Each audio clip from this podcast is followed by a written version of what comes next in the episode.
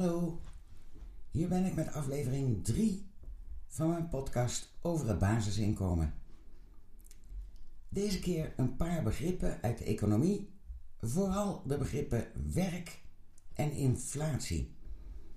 Nou, dat is simpel.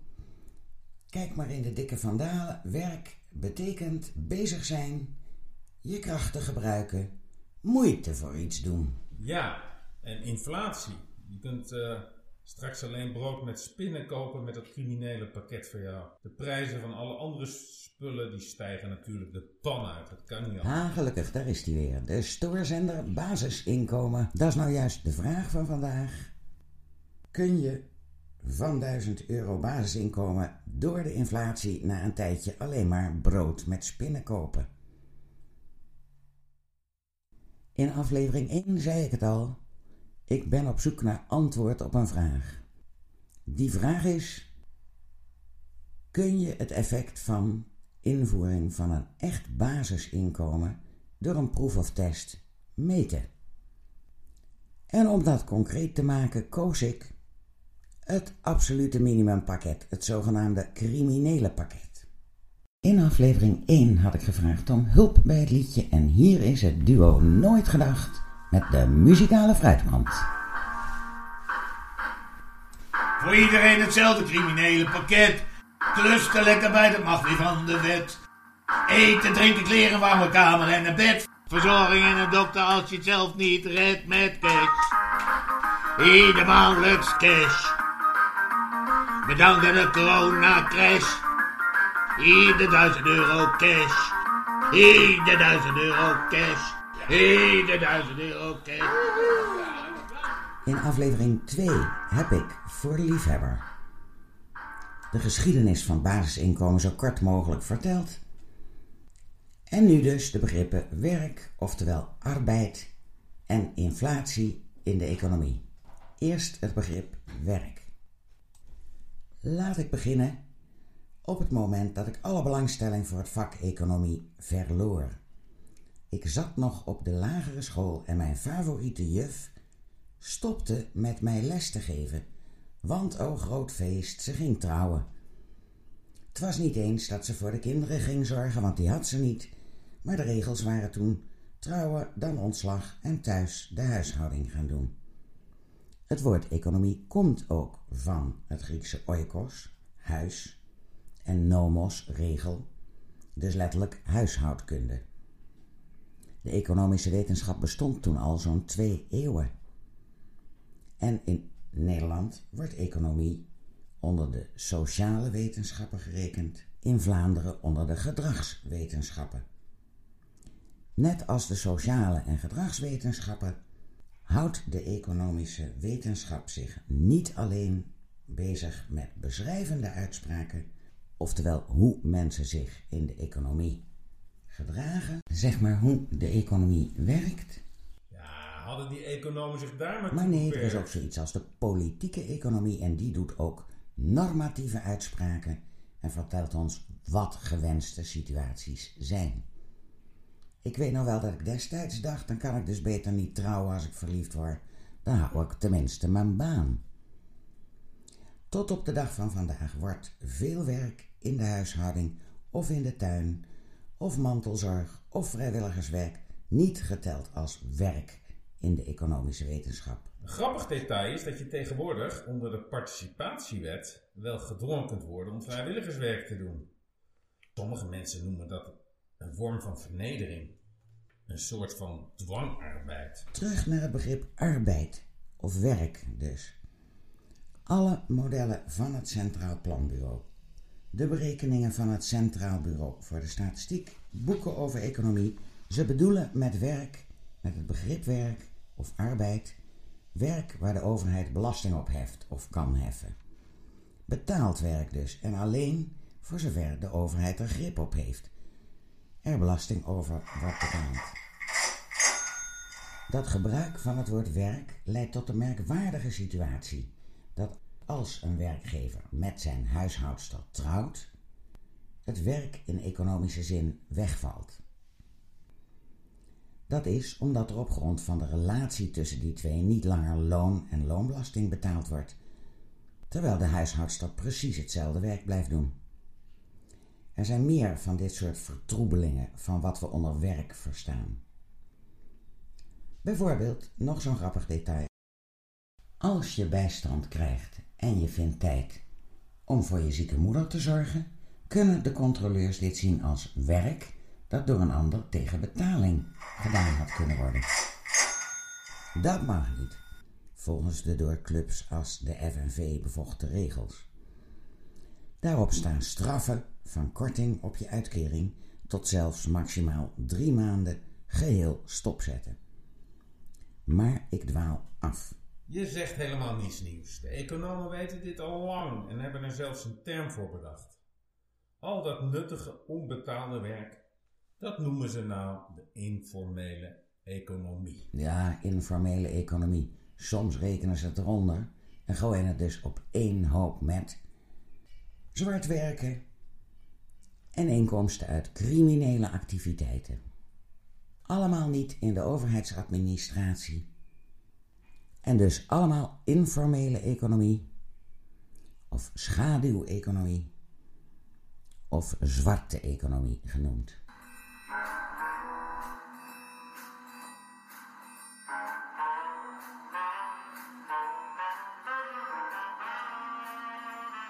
En die is aanzienlijk. Bijvoorbeeld, de totale bijdrage alleen al van illegale drugs aan het nationaal inkomen werd in Nederland in 2017 geschat op 20 miljard euro. Dat is volgens een rapport over drugshandel van professor Pieter Tops.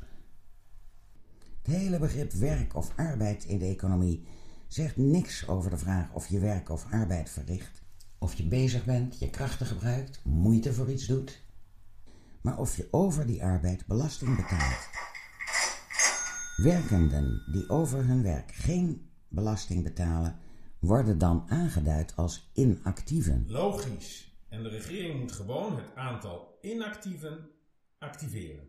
Dat levert weer meer belastinggeld op natuurlijk. Nou, ik zou zeggen, dames en heren economen en politici. Noem het beestje bij de naam. Er is betaald werk waarover belasting wordt geheven. Er is betaald zwart werk waarover dus geen belasting wordt betaald. Daaronder valt ook betaald werk in de criminaliteit. En er is onbetaald werk waarover geen belasting wordt geheven. Bijvoorbeeld vrijwilligerswerk en huis- en tuinwerkzaamheden uit relatie. Of werk voor jezelf omdat je een ander inschakelen te duur vindt. Ja, dat helpt mijn man Mensen die dit onbetaalde werk doen, maar daar liever voor betaald zouden krijgen, lopen in de val. De zogenaamde armoedeval. Ze lopen aan tegen de wet op het minimumloon. Je mag het wel voor niks doen, maar niet voor weinig. Of ze lopen aan tegen de ingewikkelde regelgeving, waaronder de regel dat je nauwelijks iets mag bijverdienen als je een uitkering hebt, zonder dat het van je uitkering wordt afgetrokken. Of ze lopen aan tegen de administratieve verplichtingen jegens de overheid. En vaak verlies je, als je meer gaat werken, huursubsidie en toeslagen. Het levert dus nauwelijks iets op. Het werk waarover geen belasting wordt geheven, zwart en crimineel werk dus en vrijwilligerswerk, samen wordt geschat op 10 tot 20 procent van de totale economie. Maar er zijn ook economen, bijvoorbeeld Sir Arthur Lewis, die in 1979 een Nobelprijs won, die de informele economie schat op 50 procent. Het is ook moeilijk meetbaar. Formeel, informeel en crimineel lopen in de praktijk dan ook nog voortdurend door elkaar heen. En continu loopt het werk van de ene categorie naar de andere over.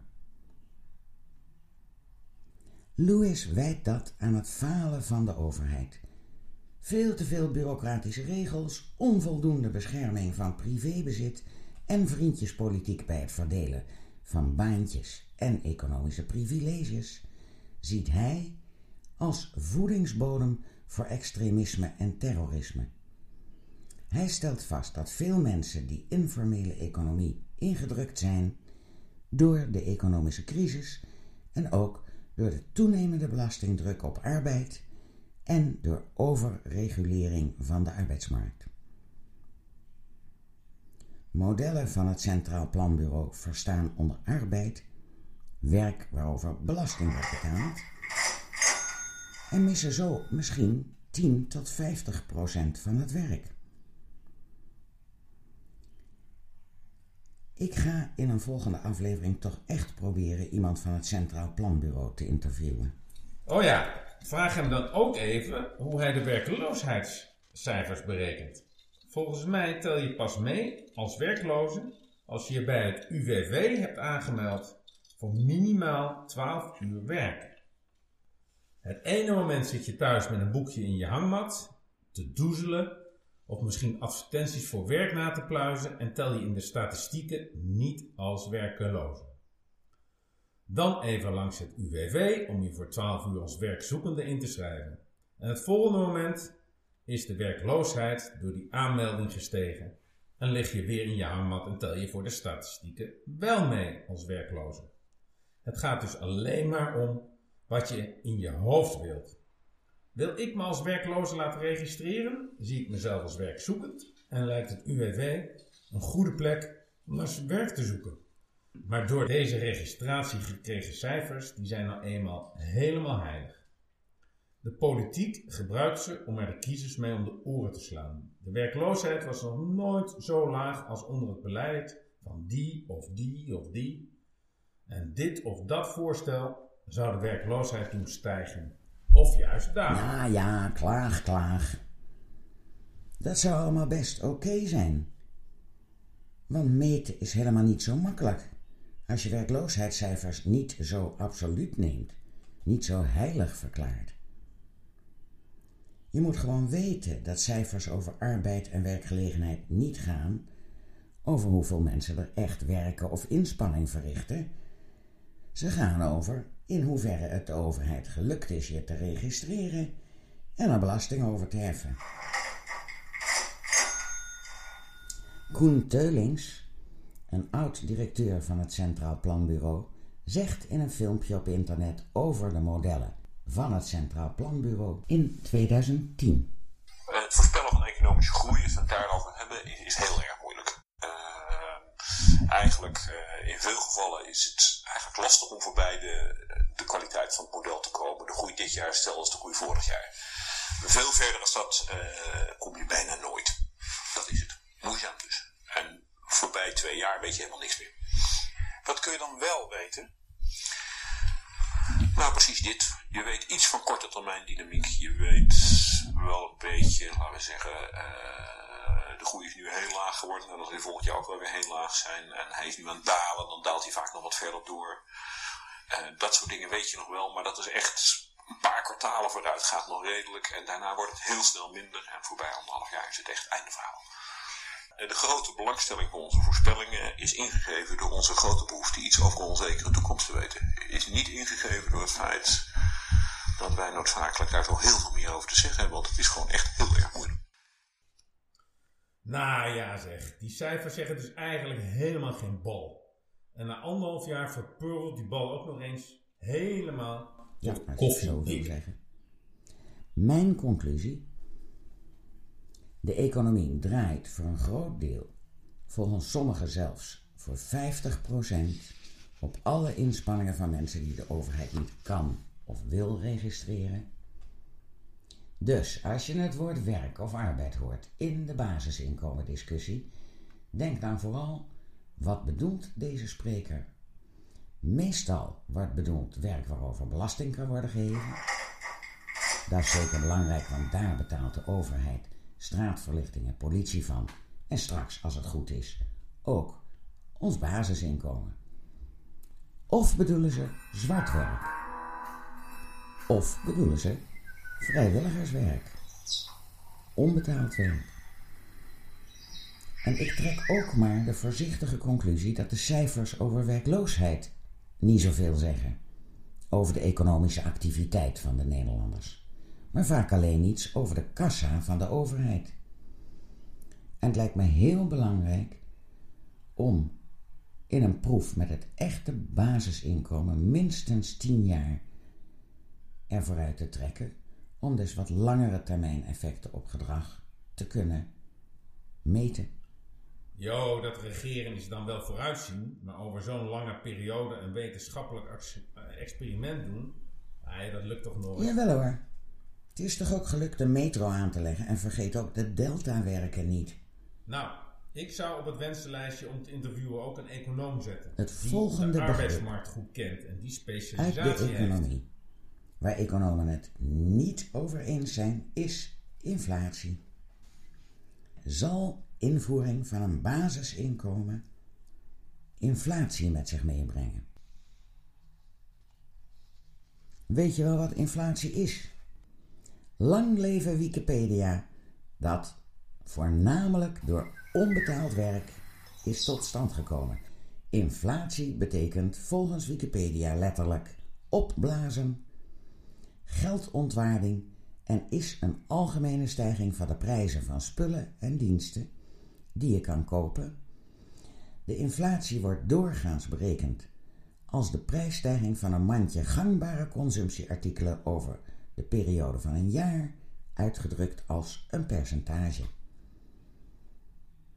Inflatie wordt vermoedelijk veroorzaakt doordat er meer geld in de economie komt dan er extra producten worden gemaakt. Inflatie kan ook worden veroorzaakt door de doorberekening van gestegen productiekosten, gestegen importprijzen Ja, oké. en ook hogere Ik belastingtarieven. las over het inflatiegevaar van het basisinkomen het stuk Will Basic Income Cause Inflation?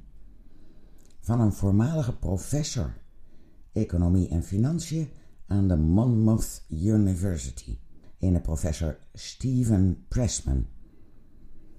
Deze professor begint met te zeggen dat het antwoord op de vraag of basisinkomen invoeren inflatie veroorzaakt theoretisch is, omdat een echt basisinkomen nooit over een langere tijd ergens is ingevoerd. En dat het antwoord dus ook niet te geven is, want het inflatie-effect hangt ervan af hoe je het invoert. Jongen, jongen, dat is verrassend. Het enige waar hij wel naar kon kijken uit echte ervaring was een basisinkomengarantie, de negative income tax, de negatieve inkomstenbelasting. In elk geval zegt Pressman over negatieve inkomstenbelasting dat als de overheid na invoeren van het basisinkomen haar uitgaven beperkt, er tegelijk een push- en een pull-effect optreedt, dus een inflatieverhogend en een inflatieverlagend effect. En welke is dan het sterkst? En welk idee is het sterkst? Geen idee. Wat ik ermee wil zeggen is, de overheid kan inflatie proberen te reguleren en zo in evenwicht houden. Ja, dat doen ze toch nu ook al? Ja, dat proberen ze. Volgens Plesman zijn er verschillende scenario's. Als er bijna volledige werkgelegenheid is, zal een basisinkomen eerder de prijzen opduwen dan de werkgelegenheid. En omdat een basisinkomen vooral de mensen met minima helpt, zal het basisinkomen niet worden gespaard, maar vooral worden uitgegeven aan consumptie. Dus zal de consumptie stijgen. En natuurlijk de prijzen kunnen Als het opjagen. basisinkomen wordt betaald door btw-verhoging of een belasting op alle verkopen, zal dat toch in de prijzen worden doorberekend. Maar ook hier weer geldt, tenzij de overheid tegelijkertijd op haar uitgaven zelf bezuinigt. Volgens die Pressman is een beetje inflatie ook niet erg. In elk geval beter dan deflatie, zoals de deflatiespiraal van Japan in de jaren 80 en 90 wel heeft duidelijk gemaakt. Ja, en bij ons in de jaren 30. En natuurlijk is er een tegengestelde mening. De mening van een andere professor, Dr. Karl Wiederquist van Georgetown University in Qatar. Die wijst erop dat de Deense economie laat zien dat uitgaven voor de allerarmsten helemaal niet zoveel inflatie veroorzaakt en zeker niet zoveel dat het voordeel van die uitgaven door de inflatie verdwijnt. Er is niks bijzonders aan uitgaven die je met basisinkomen kunt doen, zegt hij. Het is net als alle andere uitgaven, zoals uitgaven aan het leger of welke uitgaven dan ook. De regering kan door het opleggen van belastingen en lenen de inflatie prima beteugelen. En de wel zeer bijzondere mening van Kardec Gada. Die vindt een basisinkomen een goed idee tegen de zeer krachtige deflatie, veroorzaakt door de snelle technologische vooruitgang. Hij zegt: laat de technologie maar betalen voor het basisinkomen en wijst op de enorme en snelle prijsdalingen van technologische producten. Neem bijvoorbeeld de iPhone 5. Die kostte in Amerika in 2013 600 US dollar en drie jaar later in 2016 ook nieuw 150 US Ja, dollar. omdat iedereen dan de nieuwste Dat kan wel zijn, maar dat maakt niet uit. Minder rijke mensen hebben binnen drie jaar de iPhone 5 voor een kwart van de eerdere prijs. Technologische producten hebben de vreemde gewoonte om over tijd zeer snel bijna waardeloos te worden. Normaal door tijdverloop zie je de prijzen van bijvoorbeeld sinaasappels stijgen. Dat geldt ook voor melk, brood, meubels, noem maar op. Maar technologische spullen zwemmen knetterhard tegen die inflatiestroom in en hun aandeel in wat wij allemaal hebben neemt toe.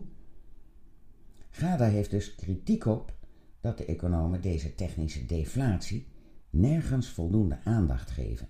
En hij wijst erop dat de effecten te groot zijn om te negeren.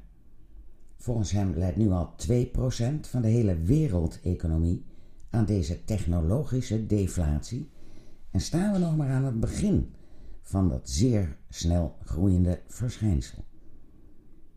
Ga maar na wat je inmiddels allemaal aan technologische producten in huis hebt en hoe dat gegroeid is. De technologie in de auto, bij het bestellen van een Ubertaxi, je deurbel, onderwijs via internet, 3D-printers enzovoort enzoverder. Dat laat maar weer zien dat de technologie banen schept. Iedereen wil immers het nieuwste. Ik geloof er niks van. Mensen willen juist hoe langer hoe duurzamer gaan leven, kapotte spulletjes repareren en zo, in plaats van al dat elektronische afval te creëren. Ah joh, ben gek. De technologie moet eerst aan de wereldvraag voldoen naar al die technologische producten. Daar kunnen die afgedankte iPhones mooi naar de derde wereldlanden en krijgen wij telkens weer de nieuwste. Nou ja, volgens Gada is het de enorme kracht van technologische deflatie die het beleid van de centrale banken totaal frustreert. De centrale banken vergroten de geldhoeveelheid, verlagen de rente keer op keer, zelfs zover dat de rente negatief is. Ze proberen als gekken een beetje inflatie te creëren, maar de technologie is nog sneller en zorgt aan de andere kant voor deflatie. Geloof er helemaal niks van. Gada zegt: veruit de beste oplossing en misschien wel de enige is een gegarandeerd basisinkomen aan iedereen geven. Dat is absoluut noodzakelijk om de inflatie boven nul te houden. En dan nu de echte kick. Dat basisinkomen moet volgens hem jaarlijks groeien om de technologie-deflatie in toom te houden. En voor Amerikanen rekende hij dat even uit. Dat zou in 2030 moeten zijn gegroeid tot 100.000 dollar per persoon per jaar basisinkomen. Ja, ja. En deze Amerikaan is al in 2016 bij de Europese Commissie geweest om zijn theorie even uit te leggen. Ja joh, maar die luisteren daar niet Nee, naar. daar luisteren ze inderdaad niet naar, maar volgens Ghana komt dat omdat ze er niks van begrijpen. De enigen die het snapten waren techneuten, zei hij. Reden om ook te proberen iemand van de Nederlandse bank voor de microfoon te krijgen. Ah, je doet je best, maar... En er is eh, nog een professor die iets over deflatie vertelt, maar dan vanuit een heel andere hoek. De demografische hoek. Deflatie door bevolkingskrimp. Professor Jan Latte, hoogleraar emeritus sociale demografie aan de Universiteit van Amsterdam, de UvA, zegt dat er nu al in veel landen bevolkingskrimp is. Ook in Nederland als je de migratie niet meerekent. Nederland telt 1,59 kind per ouderpaar in 2018, terwijl 2,1 kind per jaar nodig zou zijn om de bevolking op peil te houden. Hij voorspelt een stilstand in de bevolkingsgroei voor Nederland in 2035 en voor de hele wereld in 2075. Ja, maar met migratie meegerekend groeien we toch op de dag van vandaag nog steeds. Niks deflatie. Lijken me ook niet zulke precieze voorspellingen zo met het coronavirus in de aanval. Zou die corona nou deflatie opleveren? Nou, er zijn in elk geval nu al veel landen met een krimpende bevolking. Zelfs als je migratie wel meetelt. Onder andere Italië, Duitsland, Griekenland, Japan, Bulgarije, Kroatië, Hongarije, Polen, Roemenië, Rusland, Letland, Litouwen, Moldavië, Oekraïne, Slovenië, Slovenië, Slowakije, Tsjechië, Wit-Rusland en Estland en Georgië. Allemaal bevolkingskrimp. En bevolkingskrimp leidt al dus de economen tot deflatie en zal dus die technologische deflatie versterken. Ah joh, je zwetst of je gokt. Er kunnen net zo goed onverwacht veel doden te betreuren zijn bij die grote natuurrampen. Oorlogen, ziekteuitbraken, die zijn ook slecht te beteugelen. Houd erop. Mijn voorlopige conclusie is: de meeste economen denken dat het mee gaat vallen met de inflatie die basisinkomen gaat veroorzaken. Wel afhankelijk van hoe je het gaat betalen. En de regering kan er ook wat aan regelen en kan het basisinkomen met de prijsstijging mee laten lopen. En dan nu het laatste begrip uit de economie waar ik wat over opzocht: het nationaal inkomen. Eerst maar weer even kijken bij Wikipedia. Dan hebben die jongens en meisjes weliswaar voor niks dat Wikipedia opgezet, maar dan hebben ze het niet voor niks gedaan. Het zou leuk zijn als het openbaar vervoer op die manier ook gratis kon zijn. Hoe dan ook, Wikipedia zegt: het nationaal inkomen is een economische term die het totaal verdiende inkomen van een land in één jaar aangeeft. En waar heb je dat begrip nationaal inkomen voor nodig? Nou, ik heb geen idee. Het wordt heel veel gebruikt om landen met elkaar te vergelijken. Wat verdient dit land, wat verdient dat land? En heel veel dingen worden uitgedrukt als een percentage van het nationaal inkomen. Mijn enige punt is eigenlijk, het is weer zo'n begrip waar arbeid onzuiver in zit en waar geen rekening mee wordt gehouden dat je door alle productie hoestend en kuchend rondloopt. Dus milieuschade zit er niet in opleiding zit er niet in. Dit is natuurlijk een beetje oneerlijk gezegd.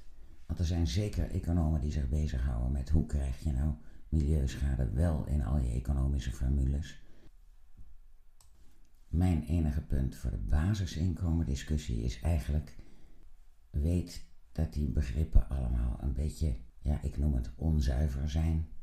En dat pleit er in mijn ogen voor om een echte proef te doen met echt basisinkomen over een termijn van minimaal 10 jaar. Waarin je gaat meten wat je echt wil weten. En het plan daarvoor moet in aflevering 6 zo'n beetje concrete gestalte krijgen. Dit was aflevering 3. De volgende aflevering bespreekt of een basisinkomen op een of andere manier te betalen is tot later nog even de gelukkige werkloze nog voor er voor een basisinkomen is gekozen. Één